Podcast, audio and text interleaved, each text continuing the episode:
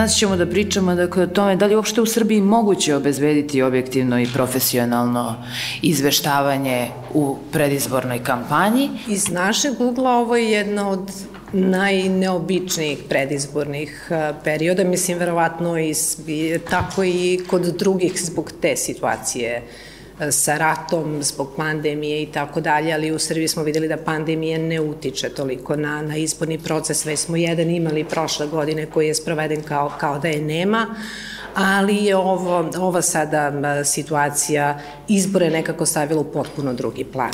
Mi inače Južne vesti u nekim globalnim razmerama su jedan tako mali medij, u srpskim razmerama ipak smo kao srednji mediji i privatni mediji, ali ono što mi radimo u izveštavanju jeste da smo zapravo javni servis na području na kome ovaj, izveštavamo, to je naše opredeljenje i kad kažemo kao šta ćemo u kampanji, kako ćemo javni servisi imaju obavezu da sve stranke budu ravnopravno predstavljene kod njih, apsolutno svi, apsolutno svi koji učestvuju na izborima. Mi tu vrstu obaveze i predstavljanja nemamo, ali mi to radimo, planiramo i takve emisije, s tim što se predstavnici vlasti nerado odazivaju. Po onome što do sada primećujem kako je krenula kampanja, da oni zapravo za, za tim i nemaju potrebe, jer ono što mi vidimo što se dešava u Nišu, što se dešava na jugu Srbije jeste vrlo izražena funkcionerska kampanja, nema nikakvog oglašavanja u bilo kojim medijima, ali zato imamo te potpuno, ne postoji više granica između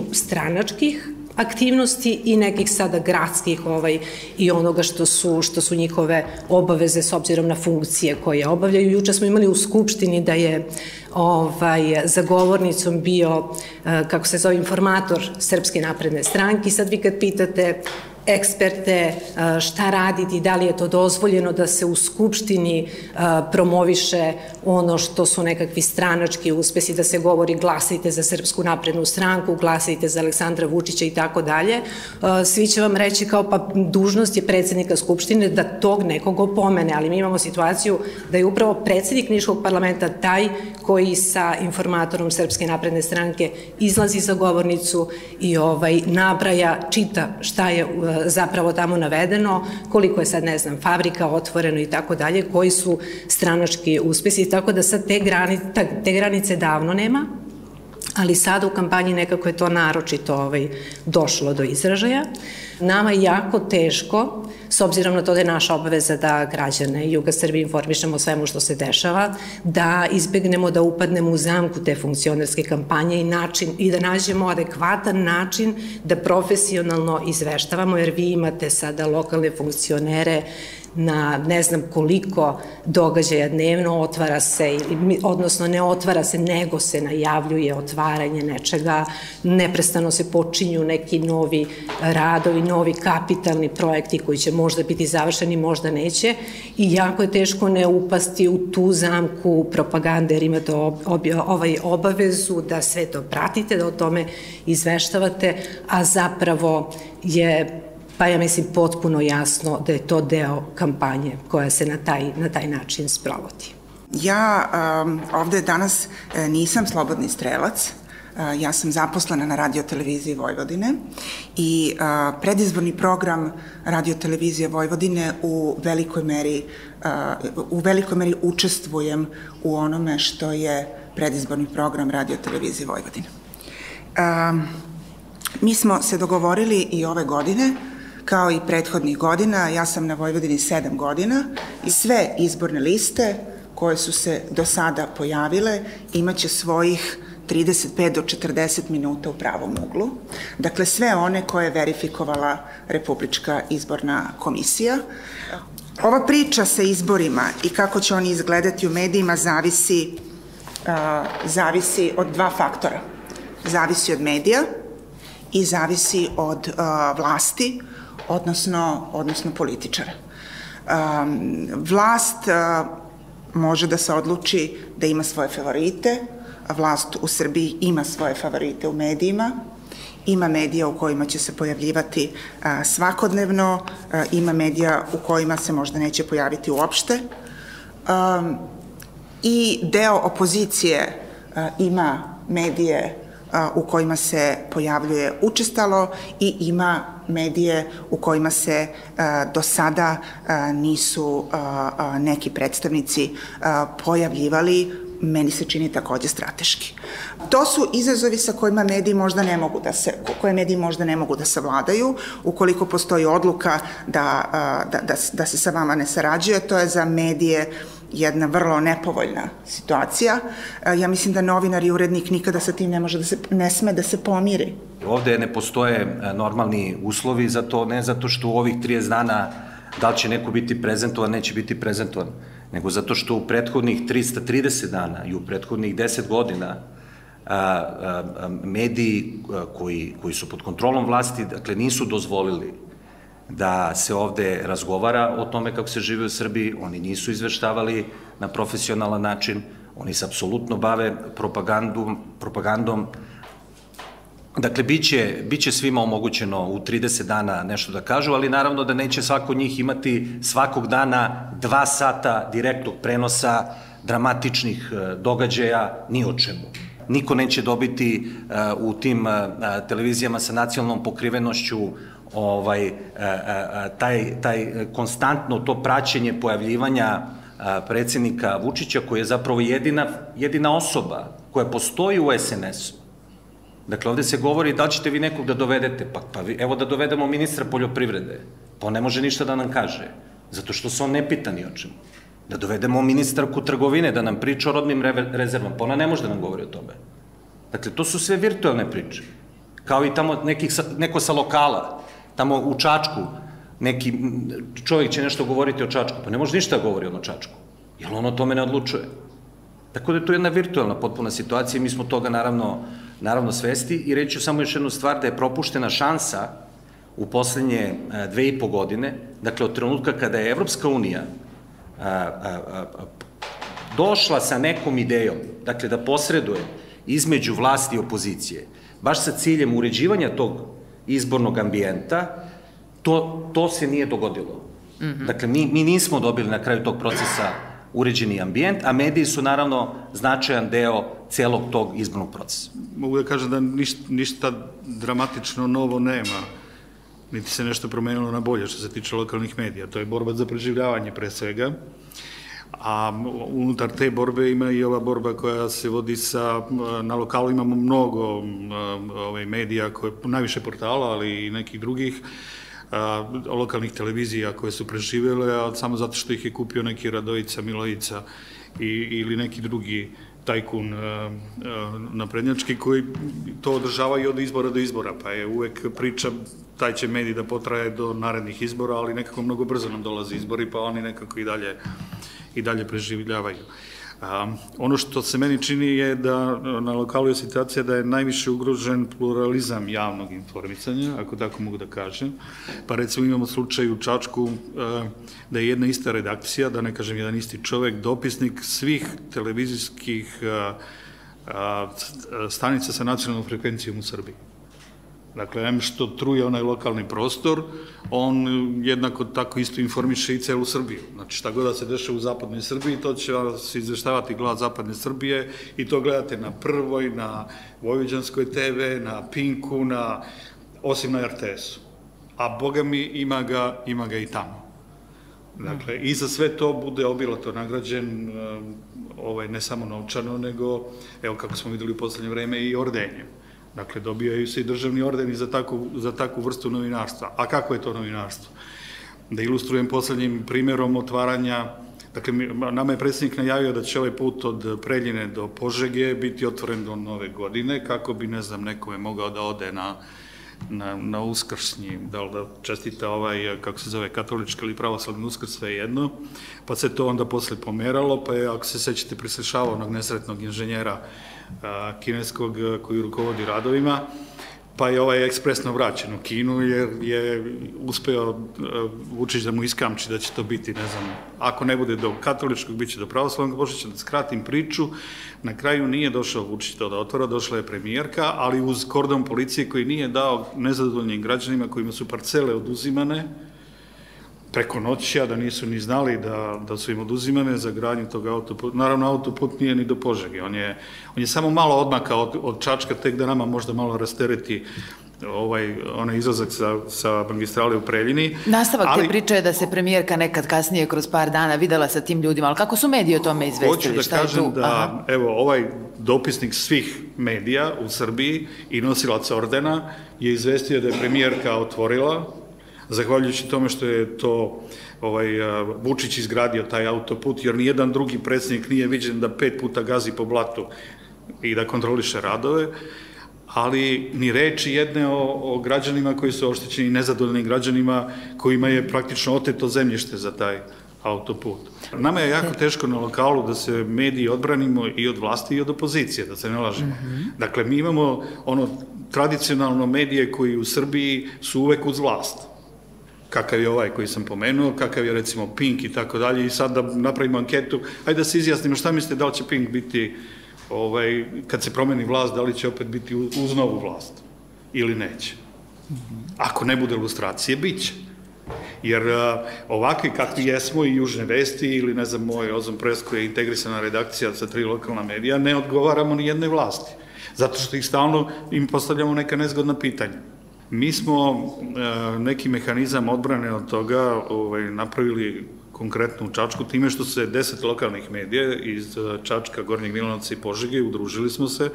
Najpre smo zajedno napravili medijsko sklonište uz pomoć gradarskih inicijativa prošle godine, a sad smo ušli u zajednički projekat Zajednički glas za slobodu medija i produciramo sadržaje e, radijske za novine i za ovaj portale, na, za, dakle za te platforme na kojima se sada bavimo temama kao što su zloupotreba javnih resursa u izbornom procesu.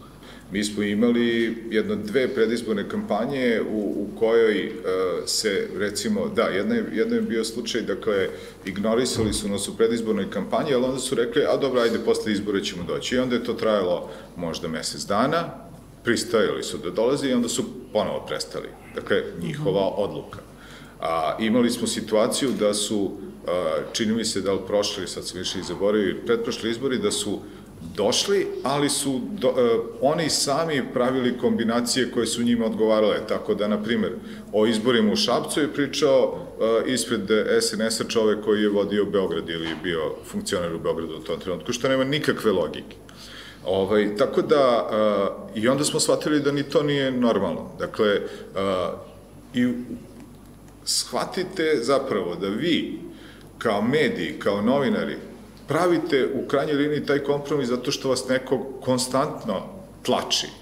I onda kao, e, ajde, sad su pristali, ajde da dođu. Dakle, mi stvarno imamo jedan drastičan primer neodazivanja e, političkih aktera u određene e, televizijske emisije i uopšte medije. Ti možda su najtipičniji primjeri baš N1 gde ljudi iz vlasti neće da dođu nikako, čak i kad su pozivani s druge strane, recimo, kad sam nedavno bio na televiziji, prva voditeljka koja je razgovarala sa mnom pokazala mi je spisak koga je sve zvala iz opozicije i sada tu više nema ni onog rezona da pitaju ko će da bude drugi sagovornik, treći sagovornik, pa da se na osnovu toga opredeljuju, nego jednostavno odmah kažu da neće. A je li vama to isto kada vlast neće da ode na N1 i opozicija neće da ode na prvu ili na Pink? Mi sada nemamo, kako da kažem, dovoljno e, vremena i dovoljno manevarskog prostora da na taj način analiziramo tu pojavu. Naravno da nije isto jer znamo šta je čemu uzrok, šta je čemu posledica.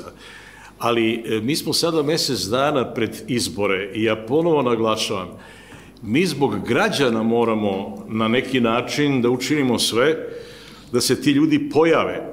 Šta ste vi zaključili dosadašnjim svo, svojim nadzorom? Zaključili I, smo... I kažite mi šta mislite da je svrha toga? Šta, šta kasnije smo- bude sa vašim analizama? Da, objavi danas ili objavi, ne znam, RTS i šta dalje? Zaključili smo da izvesnih malih pomaka ima, jer evo ja ću vam reći iz e, ovog izveštaja o kome smo juče razmi, e, razgovarali, da pazite, s obzirom na prvi izveštaj u kome recimo van parlamentarnih stranaka na javnom servisu bilo 10%, a samo predsjednika države bilo 30%, a ukupno svih organa vlasti sa predsjednikom sa vladom bilo 75%, mi sada prvi put u ovom izveštaju imamo da je van parlamentarnih stranaka na RTBS-u bilo 2% više nego onih e, stranaka koje su parlamentarne i koje su u institucijama vlasti. Zašto je monitoring nad, nad uh, Insiderom, a nije recimo nad Euronews? Eto, o tome smo uh, razgovarali juče i smatrali smo, bar mi, koji nismo na predlog Rema izabrani, mm -hmm. da bi recimo bilo mnogo bolje da se monitore Tanjuk,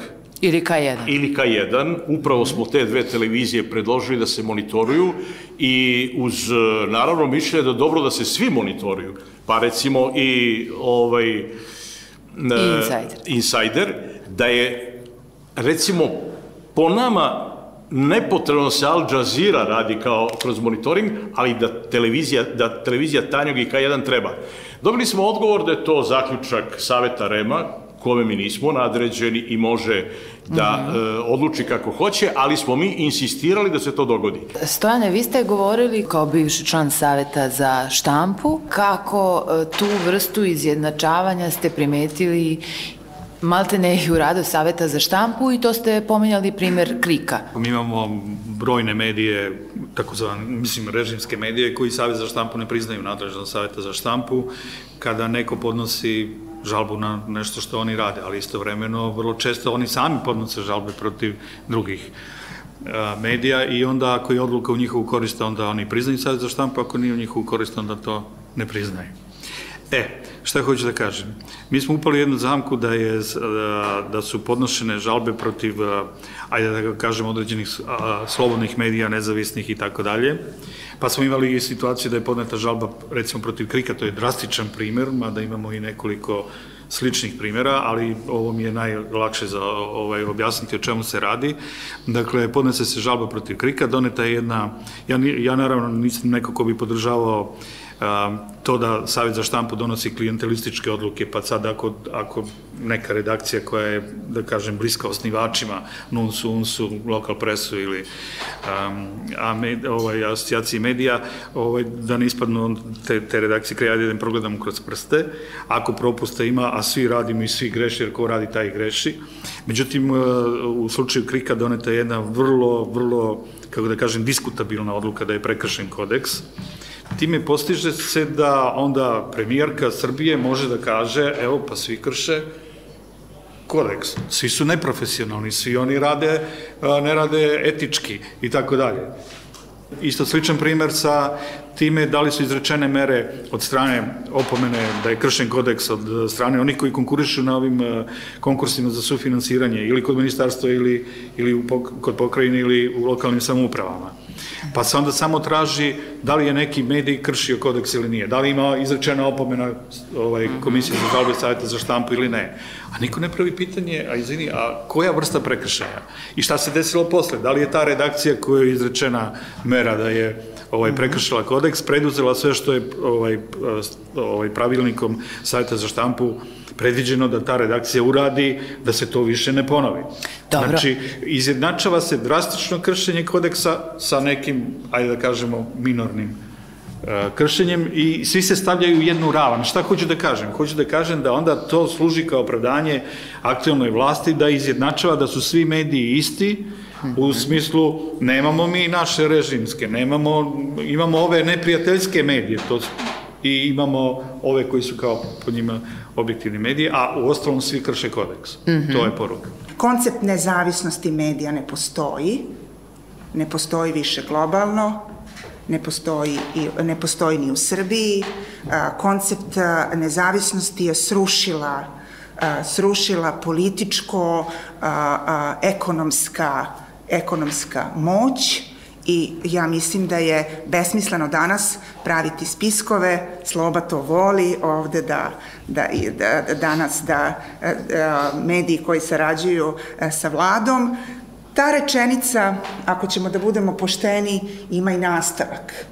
Mediji koji sarađuju sa nekim drugim vladama, mediji koji sarađuju sa vlašću, mediji koji su apsolutno otvoreni i podstiču, podržavaju a, nekritički ili sa vrlo malo kritike, sa vrlo malo kritike opoziciju. Ja bih jako voljela da budeš dosta konkretnija. To je puna, to Ako je puna već, istina, da. to je puna istina. Daj nam punu istinu baš. To je puna baš... istina o stanju, o stanju u medijima, o stanju u medijima u Srbiji i ona nije nikakav novitet, ona nije nikakav novitet. Vi u celom zapadnom svetu, u zemljama na koje se mi ugledamo, imate medije koji su svrstani na ovu ili na drugu stranu. Ja neću, A Jelena, da pravim spisak. Nije to ja spisak, mislim da je pravljenje sam... spiskova mm -hmm. jako ružna stvar. Ja mislim da je targetiranje medija i ljudi jako ružna stvar i neoprostiva je. Čak i onda kada je uvek i onda kada radi informer i onda kada dolazi iz nekih drugih krugova koje više poštujemo.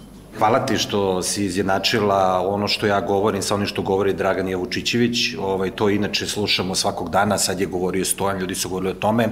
Jedna od, jedan od ciljeva dakle, propagande, dakle, to ima u svim učbenicima, lako je naći, jeste ne da vas ubede u nešto, nego da se sve relativizuje. Tako da je i ovo jedna vrsta relativizacije, mi to čujemo, nemojte da pričamo o nezavisnim medijima, nemojte da pričamo o slobodnim medijima, nemojte uopšte da pričamo o medijima zato što to nigde ne postoji. Pa da, tačno je, nigde ne postoji i danas isto to čujemo. Kažu, zašto pričate o, o ratu u Ukrajini? Pa dobro, ajde i pričate o ratu u Ukrajini. Ali, ali zašto ne pričate o ratu u Jemenu? Zašto ne pričate o, o Somaliji? Ajde da se vratimo na nešto pre 20 godina i tako dalje. Dakle, to je poznata metoda, dakle, čiste ove, relativizacije i ja neću uopšte na to da pristanem. Dakle, kao što neću da pristanem da se bilo šta u Srbiji polarizovalo.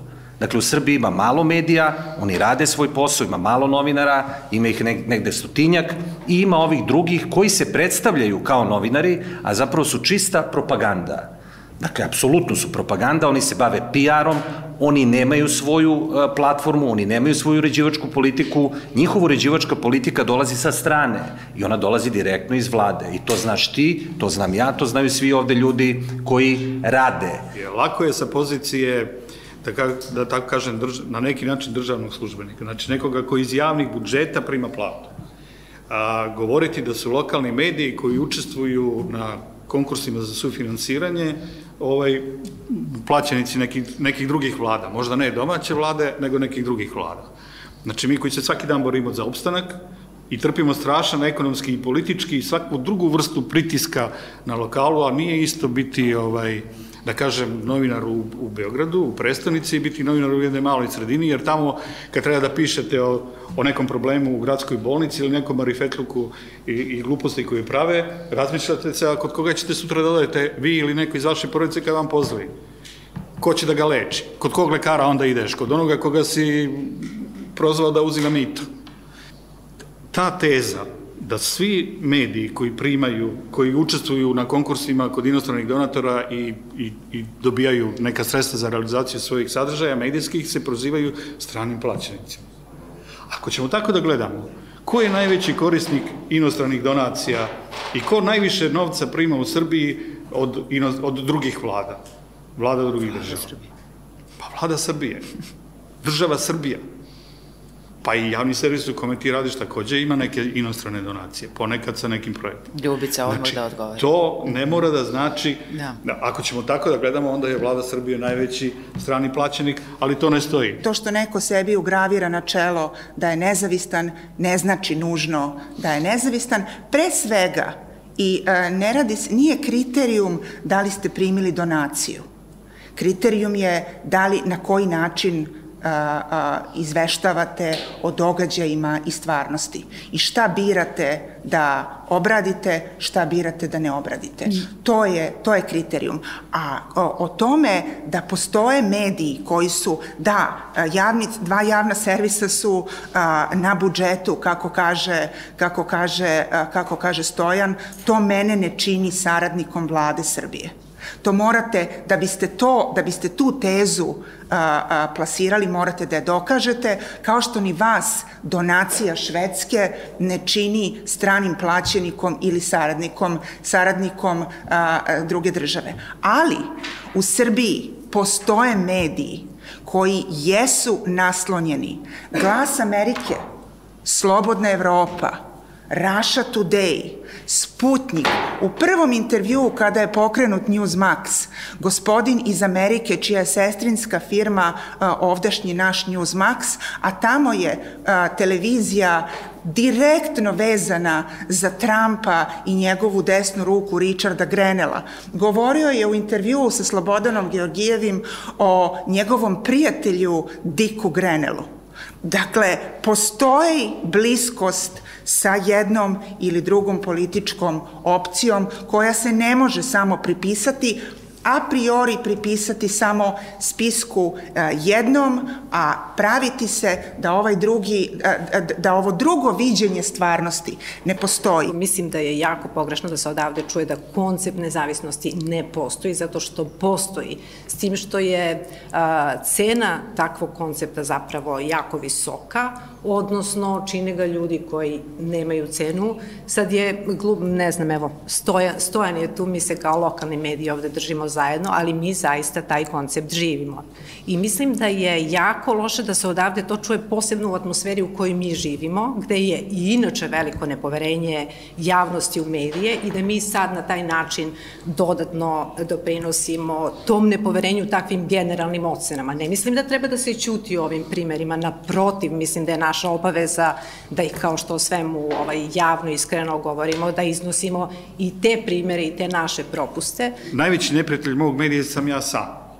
I ako ne odbranim svoj medij od samog sebe, ovaj, onda sam u opasnosti da će da izgubi taj medij poverenje da kažem, a to on nešto, neku svoju politiku tamo kreira. Mm -hmm. I do sad sam uspevao u toj borbi. Lako je, ljubice, lako je vama u javnom servisu da se igrate kredibilitetom. Ne kažem ti lično, ali bilo ko od vas. Znači, ja apsolutno stojim iza toga da, evo, za kratko za, sad ću ja ti kažem, za kratko vreme RTS je ponovo potpuno izgubio svoj kredibilitet. Direktora, glavnog urednika postavlja vam država, vlast, aktivna vlast. I oni vam kreiraju politiku uređivačku. Kako god to bilo, oni vam tako kreiraju. Kakva je ta politika, vidimo, vidimo mm -hmm. i kako funkcioniše jedan servis i drugi servis.